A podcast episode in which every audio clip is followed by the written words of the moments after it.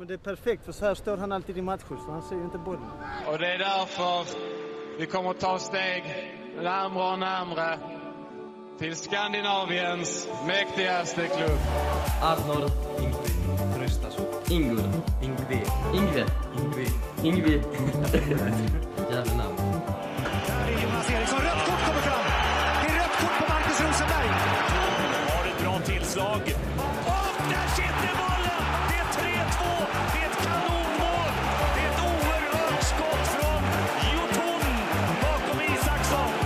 Följer med fram igen, får bollen och så hur bra som helst. Kommer det läge, det sjunger mål! Ett oerhört vackert fotbollsmål av Malmö FF där Anders Christiansen är inblandad egentligen från början till slut.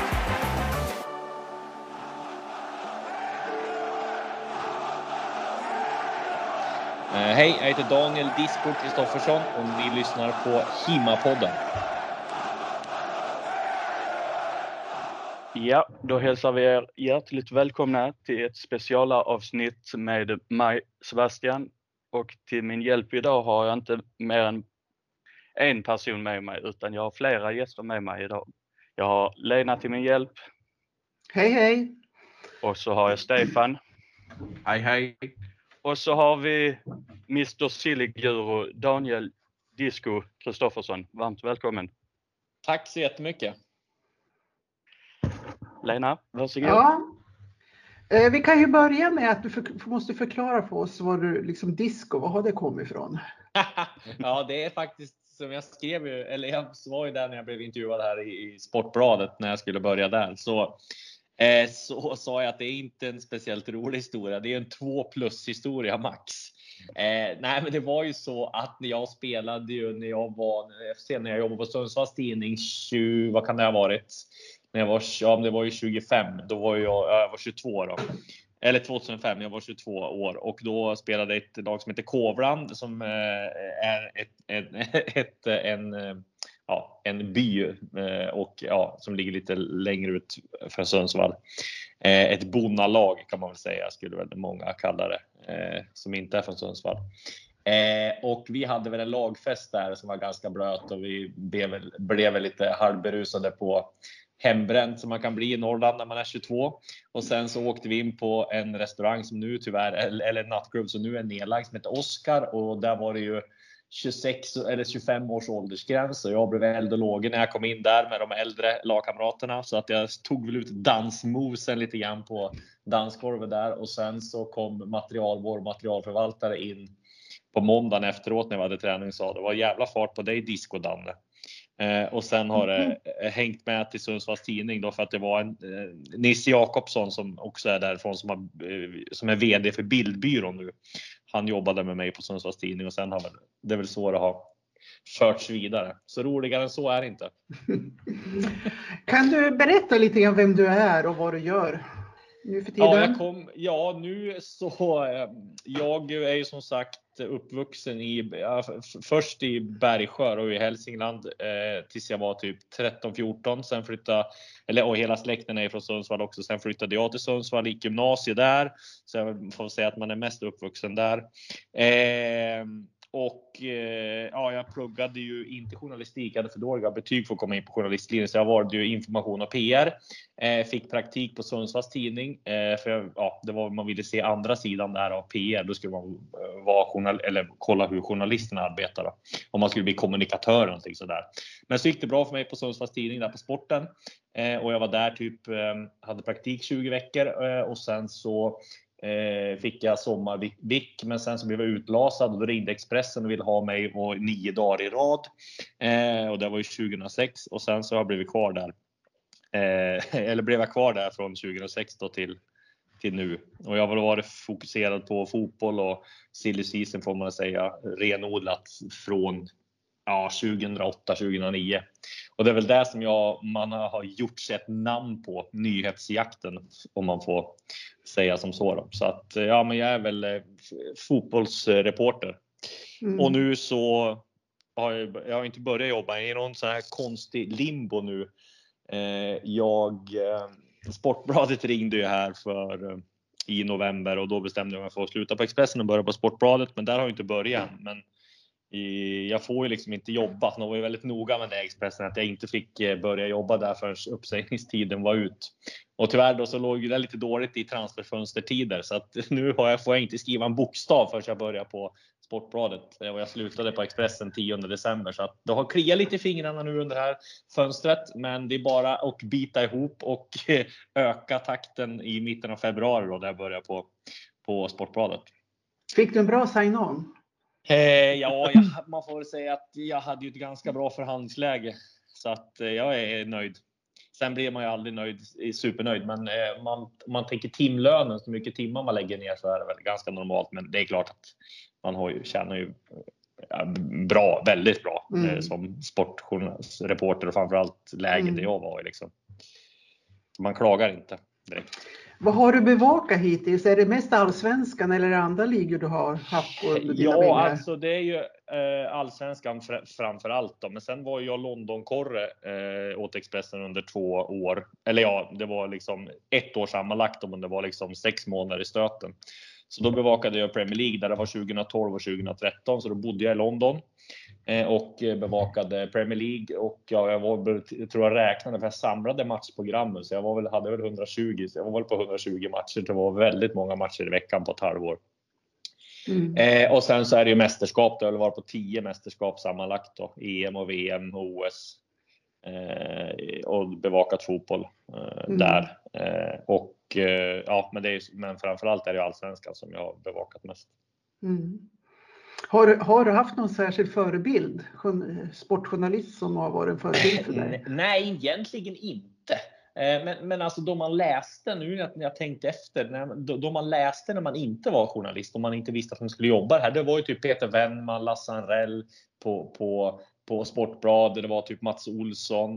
Eh, men sen har man ju fått hjälp längs vägen av väldigt många. Jag menar, en sån som Patrik Ekwall ju har ju varit extremt hjälpsam och jag menar, han har ju fått någon stämpel av att vara väldigt arrogant, men i liksom ett hårt klimat så har ju han varit väldigt behjälplig och så där. Och Lund och har man ju eh, liksom har lärt sig en del av ja, Mattias Lyr som jag jobbar med och så där. Så det har väl inte varit någon sådär särskilt förebild. Men jag måste säga att det är liksom det var inte så liksom, lätt att komma in som ung 23-åring på kvällstidning, men eh, man har ju haft stöd av vissa personer och chefer och så där, så mm. det har ju varit väldigt bra. Men sån någon så här journalistförebild att jag ska bli som honom, det har jag väl inte haft utan mm. Nej, det kan jag inte säga. Men sen tyvärr fick, läser jag ju. Jag tycker väldigt många är bra. Det finns ju väldigt många bra mm. sportjournalister. Mm. Uh, har, det här har jag gått och ruvat på i flera dagar nu. Jag undrar, har du samma frisör som Annel Addik? Ad, Nej, absolut inte. Jag har ju frugan som frisör. eh, och jag, har ju precis, jag bytte ju frisyr. Jag bytte ju frisyr. Eh, jag hade ju, ja, först var jag väl korthårig och sen har jag väl haft tofs. Och nu har jag väl, ja nu vet jag inte vad det är. Någon slags, jag är någon, i någon slags limbo mittemellan nu. Men om jag, Nej, jag, står i varet och kvaret om jag ska eh, spara långt eller om jag ska ha kort. Jag, det lutar nog med att jag ska korta ner det. Mm. Nej, jag lyssnade på en intervju och han berättade att han går tre dagar i veckan till frisören. Okej, det låter ju lite överdrivet. ja, men då går vi över till segment två, Silly. Ja. Ja, eh, vi eh, funderar lite grann på hur, hur arbetet ser ut för en journalist som sysslar med det. Hur liksom en typisk arbetsdag ser ut. Hur, hur ja, jobbar du? Det är väl liksom inte, finns väl inga typiska arbetsdagar egentligen, men eh, man, man kan väl ta det off season som det är nu då när det inte är när det inte är eh, matcher och sådär. Eh, då liksom, ja, åker man väl in på redaktionen på morgonen eh, och så så finns det alltid, liksom man, man, har väl, man får väl utlagt på så att man kanske ska göra någon intervju ibland och så kanske man ska göra någon sammanställning och något premiumjobb och så där. Men sen är det ju dels att ringa kontakter, hålla kontakten med, med källor och, och ringa Eh, och liksom försöka dra loss nyheter. Det kan ju vara att ringa spelare, sportchefer, tränare, agenter, alla runt omkring fotbollen, de som man har lärt känna liksom. Eh, och ringer man och pratar med tillräckligt många så brukar det ju komma loss någon nyhet där och, och, här liksom. Och sen får man ju väldigt mycket tips i tipskorgen som man får kolla eh, och liksom kolla om det stämmer och så där. Och där har man ju liksom byggt upp ett nätverk där man, där man vet ungefär eh, ah, vem man ska ringa på vilket tips och vem som kan tala sanning och bla bla bla och sådär. Ehm, och ja, men det är väl det. Och sen får man ju och sen har ju jag liksom byggt upp källor som, som kan ringa till mig och, och som jag vet att jag litar på, som jag vet att om de skriver en sak eller då jag får tips från det hållet så, så vet jag att hen har koll liksom och då kan jag skriva det direkt. Så att, eh, Vad- vad- just, Vad är Ja. det för typ av människor som du har där? Förutom agenter och de uppenbara. Vad är det? Är det Ja, men det typ kan ju sekreterare? allt. eller? Ja, nej, men det kan ju vara allt. Det finns ju så många. Det kan ju vara liksom, vad kan det vara? Eh, ja, men alltså en spelares kompis eller det kan vara någon släkting eller någon som man har lärt känna som man vet har koll eller någon person som man vet pratar med den och den och liksom det kan ju vara. Det är liksom sträcker sig så mycket om man tänker. Jag brukar säga det att om man tänker till exempel en startelva, om man ska avslöja en startelva i landslaget. Då tycker alla kanske att, ja men, och det är ju svårt att få loss, men om man liksom går ett steg längre, tänk hur många som vet om den startelvan när de väl får den. Alla i laget, alla ledare. Och sen är det någon spelare som är jätteglad och ringer någon familjemedlem och så får den reda på den och så säger den till någon kompis. Och sen så precis så är det kanske 200-300 personer som vet om det inom en timme liksom. Så att det är klart att Eh, vissa saker läcker ju liksom ut. Ja, och då, där vet man ungefär vem, vem man ska jaga och ringa och sådär. Men sen är det inte alltid det lyckas. Det är ju väldigt många, eh, väldigt många gånger som man jagar på en grej och sen så blir ingenting och sen kommer det ut officiellt ut att man har fått reda på det. Men, och jag har väl liksom, eh, om man har jobbat så här länge som jag har gjort i, i 15 år, då, då liksom då, det viktiga då tror jag är att man inte blir speciellt desperat utan det är bättre att låta en nyhet bli ut officiell än att man har fel. För jag menar, jag, ja, om man har bevisat under så lång tid att man har avslöjat så många nyheter så behöver man aldrig liksom, eh, ja vad ska jag säga, skarva eller jag vill gärna vara liksom, jag är hellre 200% säker än 90 och skriver och sen är man nervös att det ska spricka liksom. Men sen kan det ju spricka ändå med övergångar. Du vet ju hur silly season är liksom. Det kan vara att man är muntligt överens och sen så kommer någon klubb in i sista sekunden och så där. Så att, så att nej, men det är ett pussel och det är mycket, många timmars jobb bakom det. De, de, de som tipsar dig, vad, vad har de liksom för motiv för det oftast? De, jag kan ju tänka mig att det är ganska lätt att svara på om, om du får tips ifrån klubbledning eller agenter.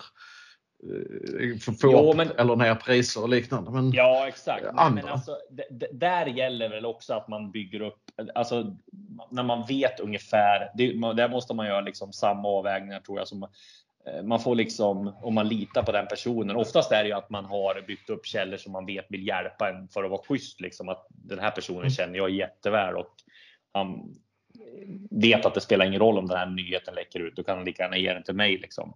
Det, det är ju framförallt sådana och då, då vet man att man kan lita på dem. Sen med agenter så gäller det väl liksom där att läsa spelet också. Det är ju, där finns det ju att, det vet ju alla att de har sina agender, klubbledare har sina agender, spelare kan ha sina agender. Där gäller det liksom att läsa av eh, läget och sådär. Men det, det gäller ju egentligen all journalistik. Det har ju inte bara att göra med liksom silly journalistiken. Du- Det är ju samma sak om du är poli, politikreporter inom politiken så måste du ju liksom kunna, eh, om du har tagit någon lobbyist eller om du har tagit någon pressekreterare så det finns ju alltid en agenda bakom någonting.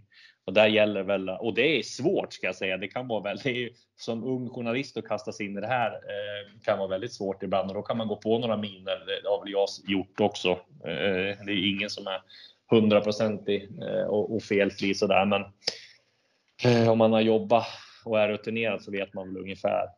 Men alltså, motiven, är- ja men ibland vill man ju ha, ibland vill de ju ha ut en, en, en, en nyhet liksom bara för att det ska bli en hype kring det. Jag menar, Eh, så var ju inte fallet nu, men jag menar Marek Hamsik, den fick ju jag jobba. Det är ju den största nyhet jag haft eh, någonsin med tanke på genomslaget den fick.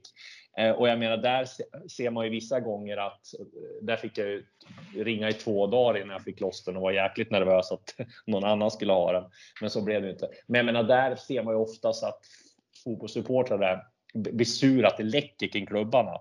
Men jag menar, där, när jag avslöjade nyheten eh, på fredagen och så blev det officiellt på söndagen med Hamsik och jag tror att Blåvitt hade sålt eh, årskort för 1,5 miljoner mellan de där dagarna.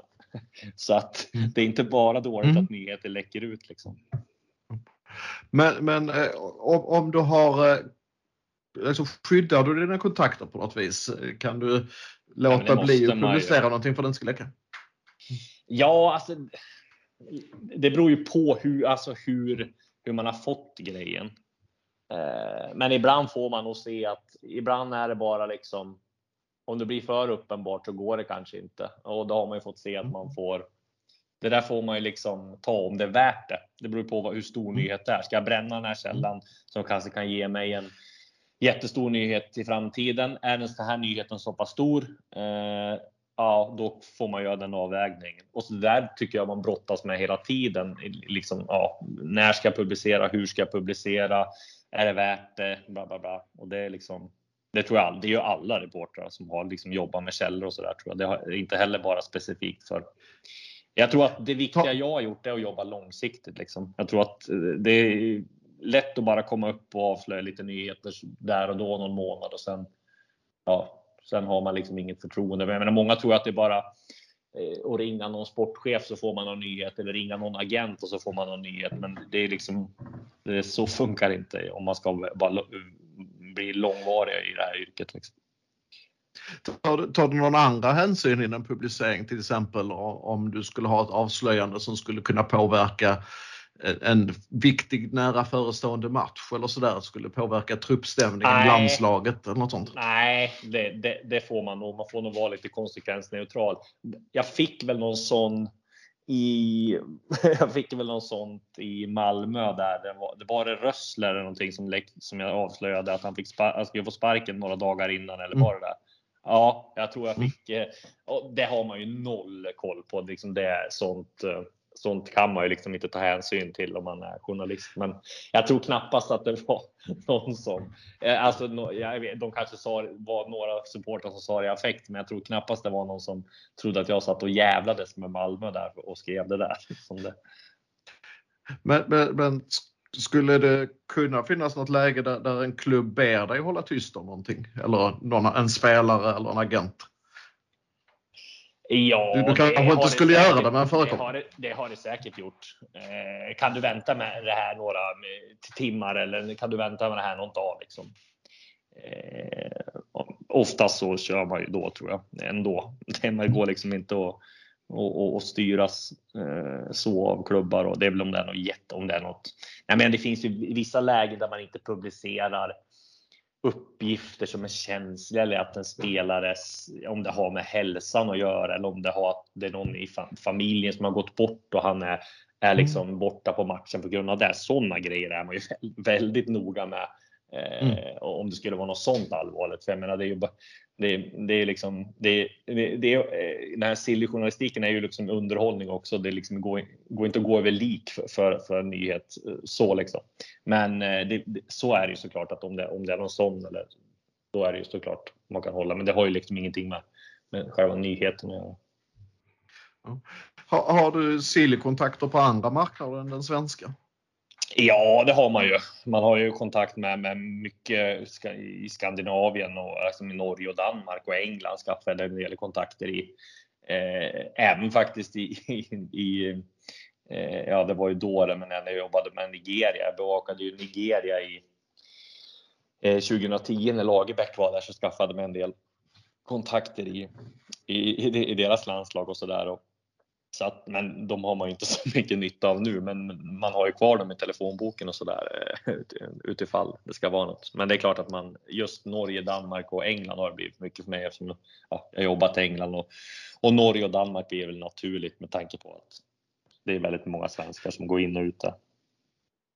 Kan du säga att det finns någon marknad där svenska klubbar är dåliga på att titta på under silly season, att hitta talanger? Alltså, nej, jag skulle säga att det är så ruggigt utvecklat nu det här scouting eh, scoutingmetoder och scoutingprogram och dataanalys och sådär. Så jag tror att ah, de flesta har stenkoll eh, på, på det mesta liksom. Jag menar, kolla bara Malmö hur de jobbar med sin liksom hur kompetent de är och deras analyser och det liksom har varit det med Jens Fjällström innan och det bara fortsatt. Och liksom, klubbarna har ju liksom flera personer anställda nu för att i- i- göra det här med scouting. Men det är klart att det som, en, som var en marknad som man, som man inte har sett så mycket av, som Malmö har ju varit inne på nu, det är den portugisiska marknaden. Där har man inte sett så mycket eh, av. Mm. Liksom. Så det, det kanske är något, eh, är det nya. Sen Afrika har ju varit väldigt mycket med eh, ja, tidigare. Det har ju varit väldigt väl och Ghana och Elfenbenskusten och allt vad det är. Men det har ju, det känns som det har gått, pågått ett tag.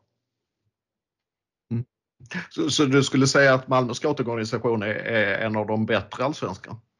Ja, men det får man ju säga. Alltså Vito var ju grym där tycker jag. Jag menar, kolla bara på värvningarna han har gjort och, och de han har hittat nu och vad hade väl han en stor del också i att Milos hamnade i, i Malmö. Det sa väl Milos själv, så det är klart att och jag menar, de har ju. Jag menar, Georgsson nu är ju en supervärvning skulle jag säga för, för Malmö. Det intrycket man har fått av honom är en fantastisk person och jag menar den kunskapen han besitter. Han har varit i Brentford, han har varit i Arsenal. Jag menar, det är, och är så pass ung så att nej, jag, jag har ju och med de miljonerna så är det svårt att se att någon ska kunna slå Malmö på fingrarna när det gäller just scouting och, och liksom den, vad ska man säga, hur, hur rutinerad och bra de anställda är. Liksom. Ja, när vi är inne på Malmö så lämnar jag över till Sebbe för lite frågor på den biten. Mm. Ja. Uh, hur ser du på värvningen av uh, att MFF tog in uh, Milos till klubben? Jo, men alltså så här. Jag tror, alltså alla man pratade med i Hammarby eh, alltså, om spelare sa att han var en grym tränare. Tydlig spelidé. Eh, liksom, eh, hög kravställare. Ja, alla tränare ställer krav, men jag tror att han var lite mer auktoritär och det tror jag de behövde i, i Hammarby.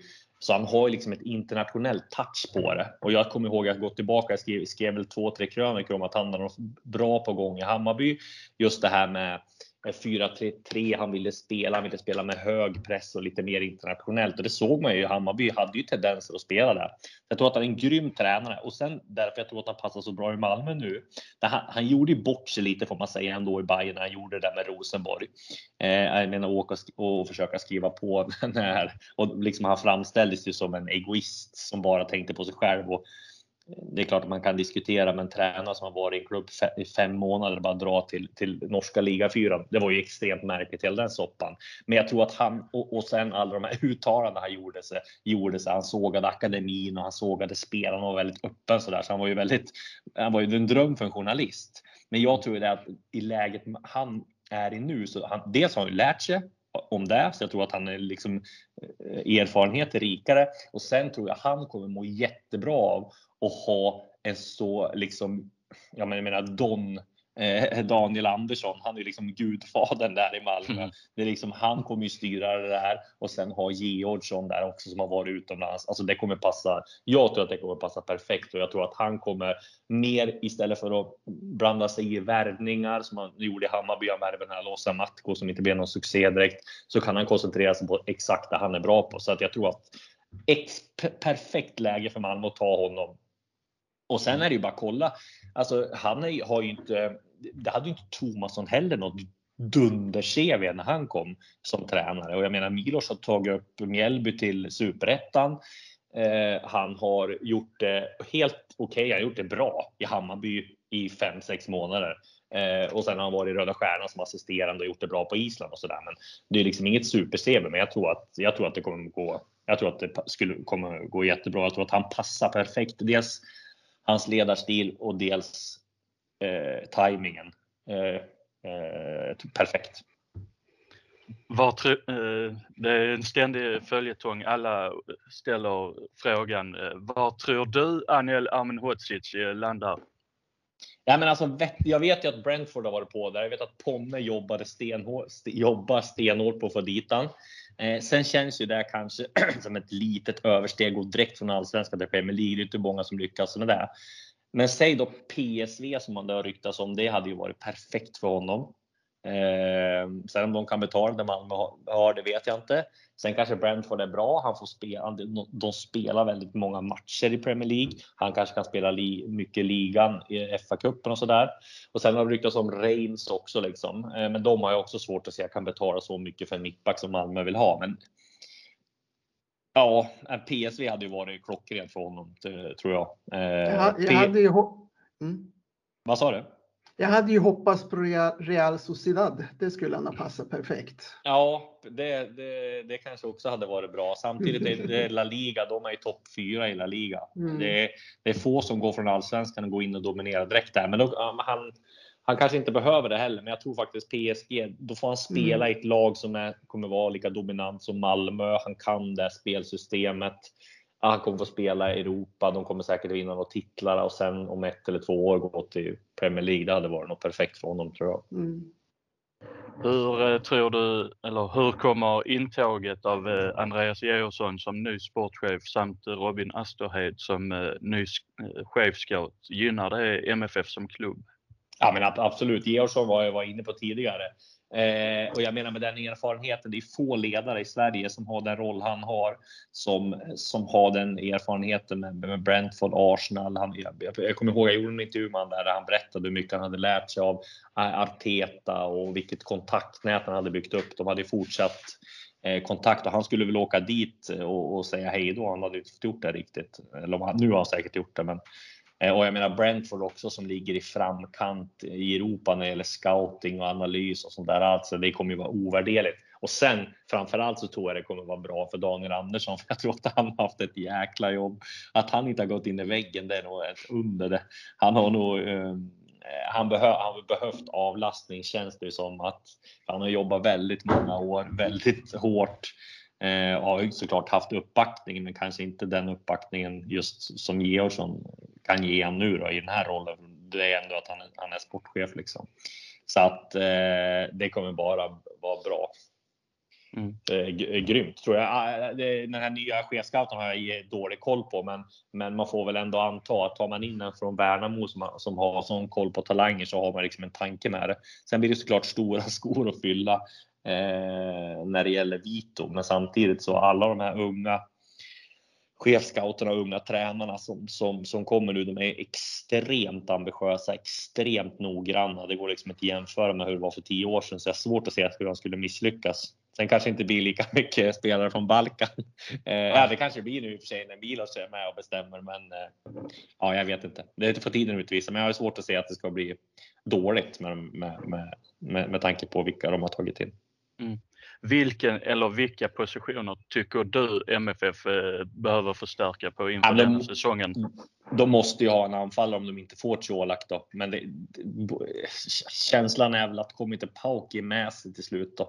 Känns det ju som. Om de nobbade 15 miljoner senast. Men annars så måste de ha in en, en, en sån då. Nikola Jörgensen hade varit perfekt, men nu såg jag att han skrev på för något annat lag. Sen har de ju Ola Toivonen som blir som ett nyförvärv. Och sen måste de ha in en mittback såklart. Och där är de ju på Tobias Salqvist vet jag i Silkeborg i danska ligan. Man hade budat 7 miljoner för honom läste jag och det, han har ju jag har ju kollat upp det där lite grann. Han har ju grymma lovord från, från Danmark så får, och där måste ju Malmö öppna plånboken känns det som också. På en så viktig position som, som mittback. Och det är kanske inte bara en mittback som kommer in heller. De kan nog ta in en till också med tanke på att Brorsson har lämnat också. Så att två rejäla mittbackar eh, som de får lägga pengar på. Och sen måste de ju, om det inte blir Colak så får de ju ta en, en anfallare och lägga och hosta upp rejält med pengar för. Mm. Just eh, Colak, hur ser du på situationen där? Tror du MFF kan få loss honom? Ja, det tror jag. Alltså, så här också, han är ju i den åldern. Alltså, allsvenskan är all ära och det är ju, jag älskar ju liksom ligan och sådär och charmen med närheten. Men jag tror inte den så högt står den sig inte i Europa, framförallt inte på Colak som, som inte är liksom 22 år heller. Eh, han är liksom 28. Jag har svårt att se att någon, någon, någon klubb i Europa ska bli liksom helt begeistrad av, av det han har gjort i Malmö. Han har ju varit grym, det är, liksom, det är inget snack om det, men det är ju ändå trots allt allsvenskan. Så att, Mm. eh, samtidigt då, han har ju ett namn, han har spelat utan att vara, han är i PAOK, det är klart att han kan få något bättre, bättre än Malmö, men ah, det, eh, mitt tips är att det kommer lösa sig. Eh, vi snackade lite om Anel eh, innan. Vilken spelare efter Anel tror du vi kan förutse som nästa toppförsäljning? Ja, svårt alltså. Eh, inte Niklas Moisander i alla fall. Eh, nej, han är ju grym, men han är väl i fel ålder. Men man trodde ju mycket på den här Peter Gvargis i och för sig, men frågan är väl om han har den stor försäljningen. Det tror inte jag. Sen, eh, nej, det är svårt alltså. Finns det någon riktigt stor försäljning? Christiansen är ju, har, det tåget har ju gått och få mycket pengar för honom.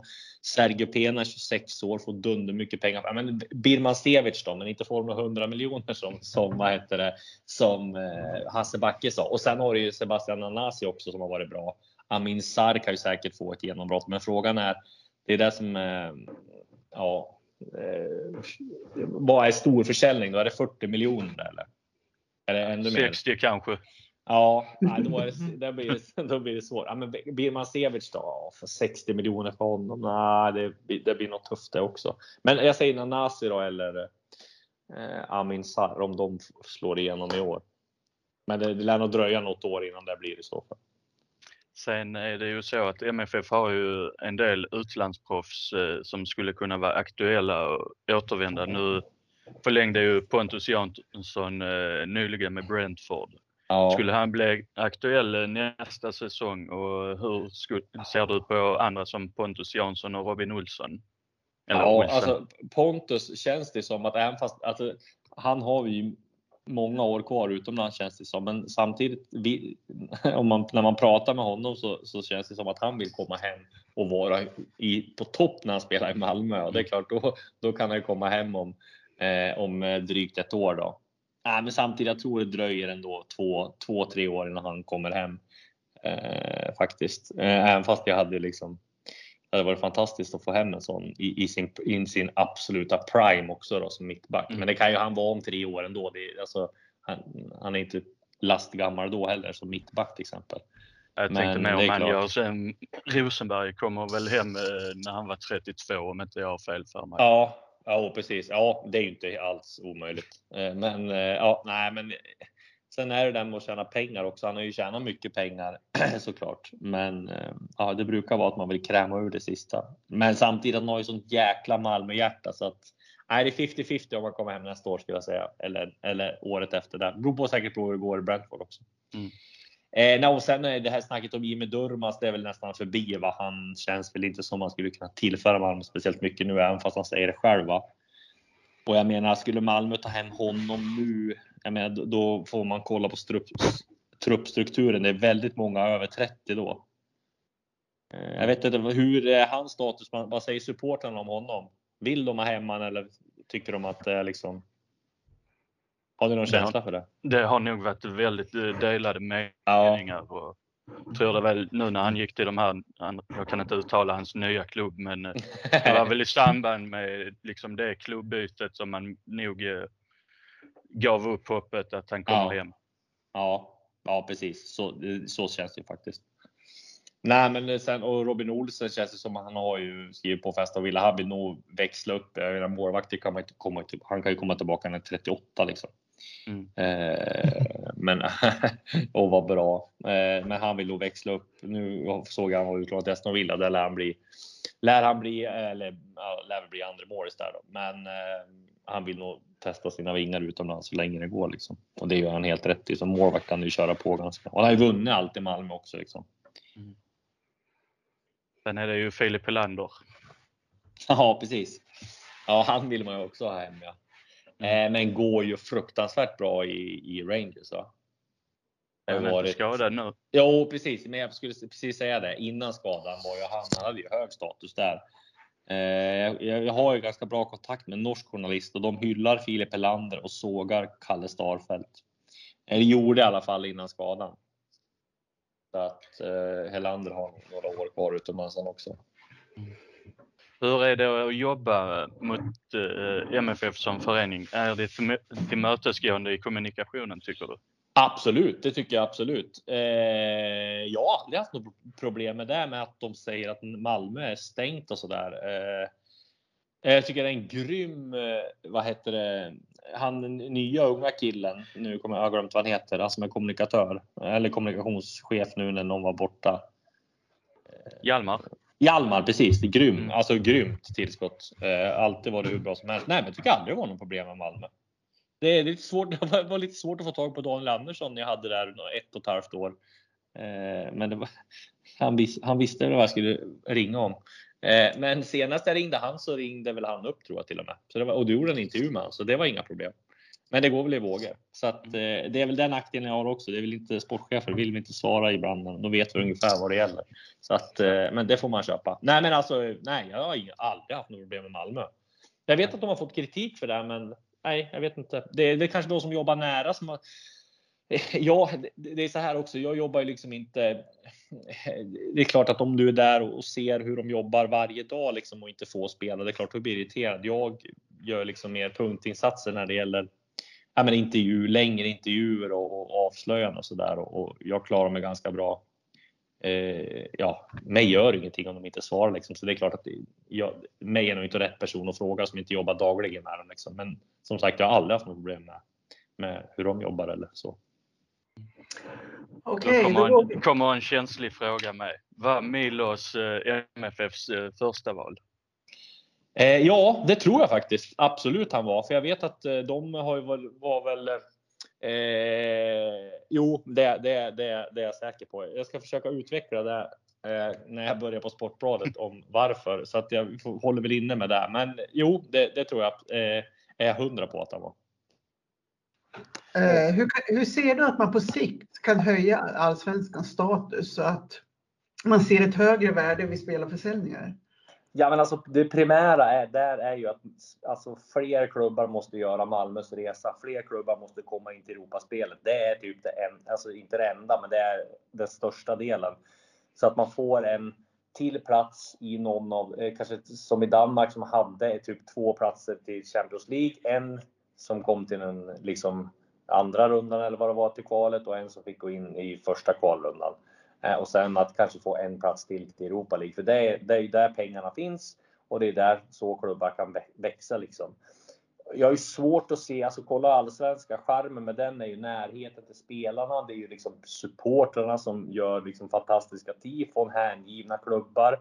Vi har sett Swish-kampanjer, eh, alltså ja men, ja men kolla tifona som Malmö har på Champions League, kolla stämningen som är. Det är det som säljer allsvenskan och det, liksom kommer, det gör ju att spelare vill komma till Allsvenskan också, men till en viss nivå. Ska vi ta nästa steg så är det väl ändå eh, just det här med pengarna som måste in. Och där, där gäller ju att klubbarna jobbar och för att liksom få fler folk till, till arenorna, köpa liksom souvenirer och alltihopa. Men, men framförallt liksom kvalificera sig till, till Europa. Det, det är typ det, det främsta. Och det är ju svårt såklart med tanke på dels spelschemat, eller spelschemat, dels att vi spelar som vi gör eh, och dels att konstgräs eh, versus gräs, den diskussionen. Eh, och ja, transferfönstret som vi har nu är inte heller optimalt för, för, för de st- största klubbarna som ska ut och, och och värva spelare till där man, där, där man liksom inte får ta, där de kan bli av med spelare i Europaspel, när de ska in till Europaspel och sådär. Så att det Mm. finns dels transferfönstret, en, en sak, och framförallt komma in till Europa. Eh, vilka spelare eh, ser du som hetast på marknaden just nu och varför? Ja, det var ju Patrik Wålemark eh, såklart, men det är klart att Amer Hodzic hetast. Eh, överlägset skulle jag säga nu. Han kommer ju försvinna också, så det är svårt, svårt att säga någon annan än honom. Sen har du en sån som Akin Kunnamo i, i Hammarby som också var väl nära att gå nu, men frågan är om det blir så. Han kan gå för ganska mycket pengar. Eh, ja, men sen finns det ju liksom yngre spelare som, jag menar 81 och AIK är också, han är 24, han är inte ung längre, men han kan väl också gå. Om ni pratar liksom spelare som är hetast att sälja, så är det det som gäller eller? Ja, Ja, ja precis. Och det, väl, det ligger väl han också hyfsat till. Eh, eh, du har ju Per Frick i Elfsborg till exempel som också är liksom het. Eh, har Malmö någon fler än Amel Hodzic som kan dra? Det känns väl ingen som helst. Ja, det är Birman Severs då såklart också. Eh, ja, nej men eh, Djurgården har väl några, men det är inte så dunderhett. Men de kan väl sälja Chilufa lär väl bli kvar till sommaren. Eh, ja, Une Larsson, Hjalmar, Hjalmar Ekdal är väl ganska het, men jag tror också han blir kvar.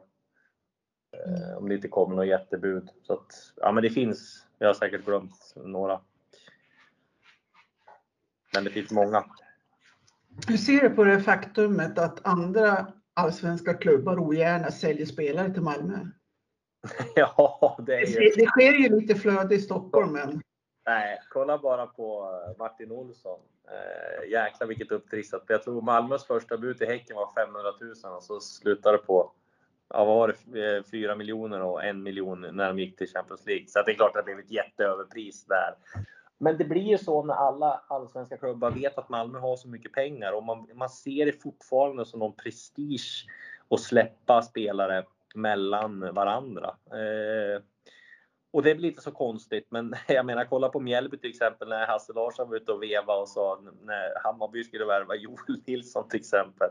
Att vad ska, vad ska han i Hammarby att göra? Vi är ju minst lika bra liksom. Så det är klart att det ju, handlar ju mycket om prestige. Det handlar om att man inte vill liksom göra en konkurrent bättre. För det är väl så att klubbarna har väl kanske lite skev självbild ibland. Att, Mm. att de det är ju tråkigt att pengarna rinner utomlands och inte stannar i Sverige. Ja, det är det ju, men på det Mm. sättet har det ju varit ganska en del försäljningar. Nej, precis. Det är klart, det är ju jättedåligt. Men jag menar, Malmö har väl gjort sitt till, men Martin Olsson gjorde de ju väldigt bra i alla fall. Så Mm. att eh, där har vi fått in en del pengar. Men det är klart att ja, det, det blir ju så. Men samtidigt får man ju förstå alltså. Man, klubbarna tänker på sig själv i första hand också. Mm. Samtidigt kanske ibland kanske, kanske hade varit smartare att sälja, sälja till Malmö också. Man ser Mm. till pengarna. Så att det är på två sätt det där också. Men jag menar, sen finns det ju exempel också där, där det blir lite fel för klubbarna. Jag menar Hammarby som släppte Hjalmar Ekdal för 600-700 000 till, till Djurgården. Det var ju inte jätte, jättebra affär för dem liksom. Men, men ja, nej. Det, det, det, är, det är väl ett exempel på att klubbarna inte ska sälja till konkurrenter. Då. Så att, eh, ja, nej, det, det, men det, det, jag tror främst har att göra med prestige och självbilden hos alla klubbar. Nu kommer 10 000 kronors frågan. Mm. Hur slutar Allsvenskan säsong 2022? Topp Nej. 4 och botten 4. Jag, jag resonerar alltid så här att om man tippar Malmö, eh, då är det ju så här att okej, eh, men det, det gör ju alla. Och då, om man har rätt då, då är det ingen som bryr sig. Men, men, men tippar man typ, eh, om man drar till med något, typ, eh, ja men Hammarby, då är, kommer man få, få mer vad heter det, vad heter det, hyllningar än vad man får Malmö. Så därför har jag svårt att tippa Malmö. Men det, jag, i mitt initiala tips nu med alla pengar de har spelat in och att de får en så bra tränare som Milo så är det svårt att tippa. Jag tippar Malmö etta. Jag tippar Djurgården tvåa. Jag tippar AIK trea. Och sen tippar jag Eh, nej, då tror jag att eh, Elfsborg kommer fyra. Och botten 4. Botten. Jag tror att Degerfors kommer åka ur. De kommer få det jättesvårt. Eh, jag tror också att Helsingborg kommer få det svårt. Eh, så jag tippar att Degerfors åker ur. Jag tippar att Helsingborg åker ur. Jag tippar att GIF... Ah, nej, jag tippar att eh, Degerfors åker ur. Jag tippar att Värnamo kommer näst sist. Jag tippar att Helsingborg kommer på kval och jag tippar att Giffarna kommer precis ovanför kval. Okej. I- vi brukar alltid ha med att våra gäster får ta fram en Malmö FF drömelva från alla årtionden. Åh herregud. Har du lust att ta den utmaningen? Från alla årtionden. Ja, du får, du får Ja, välja ett. då, då gör jag så här. Då tar jag mina, då tar jag mina vad heter det, favoriter. Jag tar inte de bästa utan tar mina Mm. favoritspelare i Malmö. Då tar jag Johan Dahlin i mål. Fantastisk skön lirare. Eh, och som har, ja, men har blivit en, eh, han är ju extremt, får man säga, han är ju inte den som man intervjuar mest men är ju väldigt, är väldigt pålitlig eh, och skön. Sen har jag Ricardinho som vänsterback. Såklart. Eh, och sen blir, kan det väl inte bli annat än Stefan Schwarz och Jonas Tern på mitten va? Eh, och vilka mittbackar blir det? Ja, men Ralle Bengtsson är ju en eh, skön lirare. Han gillar man ju eh, också. Eh, så han får vara som mittback. Och sen så tar jag väl Ja, nu, nu, nu kommer det ju vara... Ja, men Dan Andersson måste man ha med också. Ska det, bli, det blir tre manna mittfält där med dem. Då blir det inte så, så offensivt. Men vi, vi får ta de tre. Eh, högerback Erik Larsson på grund av eh, att han kommer från Gävle och sen så eller måste vara lite Norrlands, eh, eh, Norrlands eh, med, med där också. Eh, ska vi ha en till mittback? Eh, men eh, vad heter han? Eh, vad kan det vara? Nej, vi, tar, vi måste ta på Pontus Jansson såklart, det går ju inte att komma ifrån. Då har vi backlinjen klar va? Ricardinho, Mm. Pontus Jansson, Erik Larsson. Vem som vi andra mittbacken då? Eh, jag vet det sa vi ingen. Ja, men då tar vi Ahmed Hodzic då, eh, som är en favorit. Då har vi backlinjen klar. Sen mittfältet blir Schwarz, Tern. Mm, ja, vem ska vi ta mer? Ja, du men, sa eh, Danne, Danne sa vi Danne innan. Andersson, precis. Eh, nu kommer jag glömma alla de här legendarerna, men skitsamma. Jag är modern av mig. Eh, och sen såklart Ante Yngvesson, totalt given på topp. Eh, superguldhjälte från Giffarna. Eh, när han kom. Jag glömmer aldrig den här bilden i Sportbladet heller när han stod med cigarr. Va? Eh, den är Men, ruggigt men han, spelar på vänsterkanten han spelar Malmö mest dock. Ja, men han var ju, ja, precis. Men jag har sett honom som få anfallare för det var där han var, slog Mm. igenom, eller hans riktiga. Eh, nu är det- två kvar här. Eh, ni måste ta några givna här. Vilka finns det mer? Anfall, två anfallare. Som har varit Man grym. kan väl inte vara utan Rosenberg. Marcus Rosenberg kan vi såklart inte. Han, han och faktiskt hade jag jättebra eh, kontakt med när jag var, bodde i London. Jag var och hälsade på honom i West Bromwich och gjorde reportage där två gånger tror jag det var. Det finns en klassisk bild när jag sitter när han tar emot mig där och eh, vi sitter i ett kalt rum. Det ser ut som jag sitter och förhör honom för det enda som finns i rummet är ett bord och en telefon. så jag la ut den bilden på min Instagram och så fick jag en kommentar från Peter Wennman här för, för flera år sedan. Han bara, "Vil- vilket fräscht rum! så att, eh, och sen var jag även nere och gjorde reportage med Marcus Rosenberg i, när han var i Werder Bremen. Eh, såklart. Eh, ja, men då har vi en anfallare till. Rosenberg och Yngvesson och vem kan vi ta mer? Eh, Larsson. vad sa du? Larsson. Vilken Larsson? Vad heter han? Ja, Bosse? visst ja. Bosse såklart. Ja, självklart, självklart. Han tar vi med. Då har vi där. Då fick vi Malmö-elvan va? En högst, eh, som är Hur högst. kändes det här då? Jag har säkert, jag har säkert, eh, vad heter det, jag har ju säkert eh, pissat ner några fantastiska, grymma spelare här, men det får jag ta. Det var på Jag, jag tr- tr- tror många i min generation kommer att säga att du missade Christer Kristensson och Patrik Andersson. Ja, precis. Ja, ja. Men det där var min, det var lite favoritspelare bland annat, så att eh, det får vi köra när det blev så här på uppstuds. Sen kom jag på en fråga till som vi har glömt här. Ja. Eh, Det snackas ju ofta om att MFF är dåliga på att rekrytera tränare. Så ofta att kontinuitet är i såklart bra grund. Men är det inte bra att ha, även ha en bra strategi att anställa tränare för kortare perioder och veta när det är läge att sparka dem? Jo, absolut. Den kritiken tycker jag är lite, alltså, ja, det, alltså titta på, titta på eh, snitt, eh, liksom tiden på en tränare nu i Sverige. Jag menar, det, alltså, Andreas Alm, det var väl jättestort eh, och han var väl längst i AIK tillsammans med, eh, vad heter han? Ja, nu kommer jag inte på. Roffe Zetterlund. Eh, när han var fem år i AIK och det var ju typ, ja, när lämnade han AIK?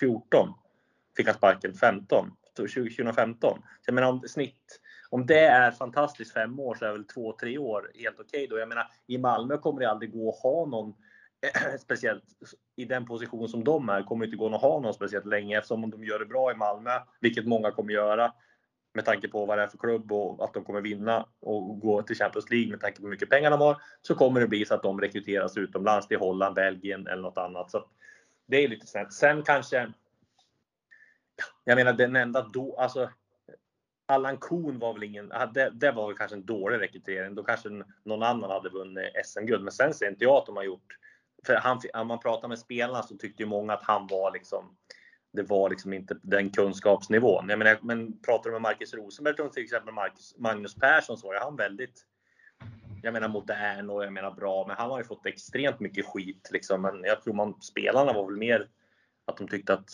kon var väl det och den är väl det enda dåliga de har gjort om man får säga det. Rösslers metoder jag menar var väl lite old school och stänga in Frans Brorsson på toa var väl kanske inte det bästa han har gjort. Men jag menar han, han behövdes väl där och då också liksom. Men även om han har ett omodernt ledarskap. Men då, då passade det bra att han var där så kort tid. Så jag menar. Det kan ju vara en strategi också att föreningen förflyttar sig. Vi kan ju liksom plocka bättre och bättre tränare eller nya influenser, eh, möta Europa och så vidare. Ja exakt och sen tror jag att det är som kontinuitet med Daniel Andersson och liksom vad han och jag menar en stark styrelse ska inte heller liksom underskattas. Jag menar det finns ju många styrelser i, i fotboll idag som där det inte är så mycket kompetens, där det är väldigt mycket supporterskap. Jag menar Malmö, det är klart det är supportrar i, i Malmö styr också men det känns ändå att det är väldigt stabilt och kunniga personer där. Så att jag tror att just den grejen, kontinuitet där, kontinuitet hos Daniel Andersson betyder väldigt mycket och liksom nej kunskapen runt omkring. Så att, jag tror att vi kommer få fortsätta få se det här. Och det, är liksom, det är svårt att kritisera det just speciellt mycket mer än Allan Kuhn med tanke på resultaten det gav. Och har gjort och fortsätter att göra. Så att, det är väl om de inte skulle vinna SM-guld på några år då. Men då sparkar de väl tränaren ändå så då blir det väl inget. det blir moment 22. Ja. Okej. Okay. Då ska vi tacka dig så jättemycket Daniel för att du ställde ja, upp det här. Tack, det var kul. Bra snack. Framåt Malmö! Heja det blåa! Heja det blåa!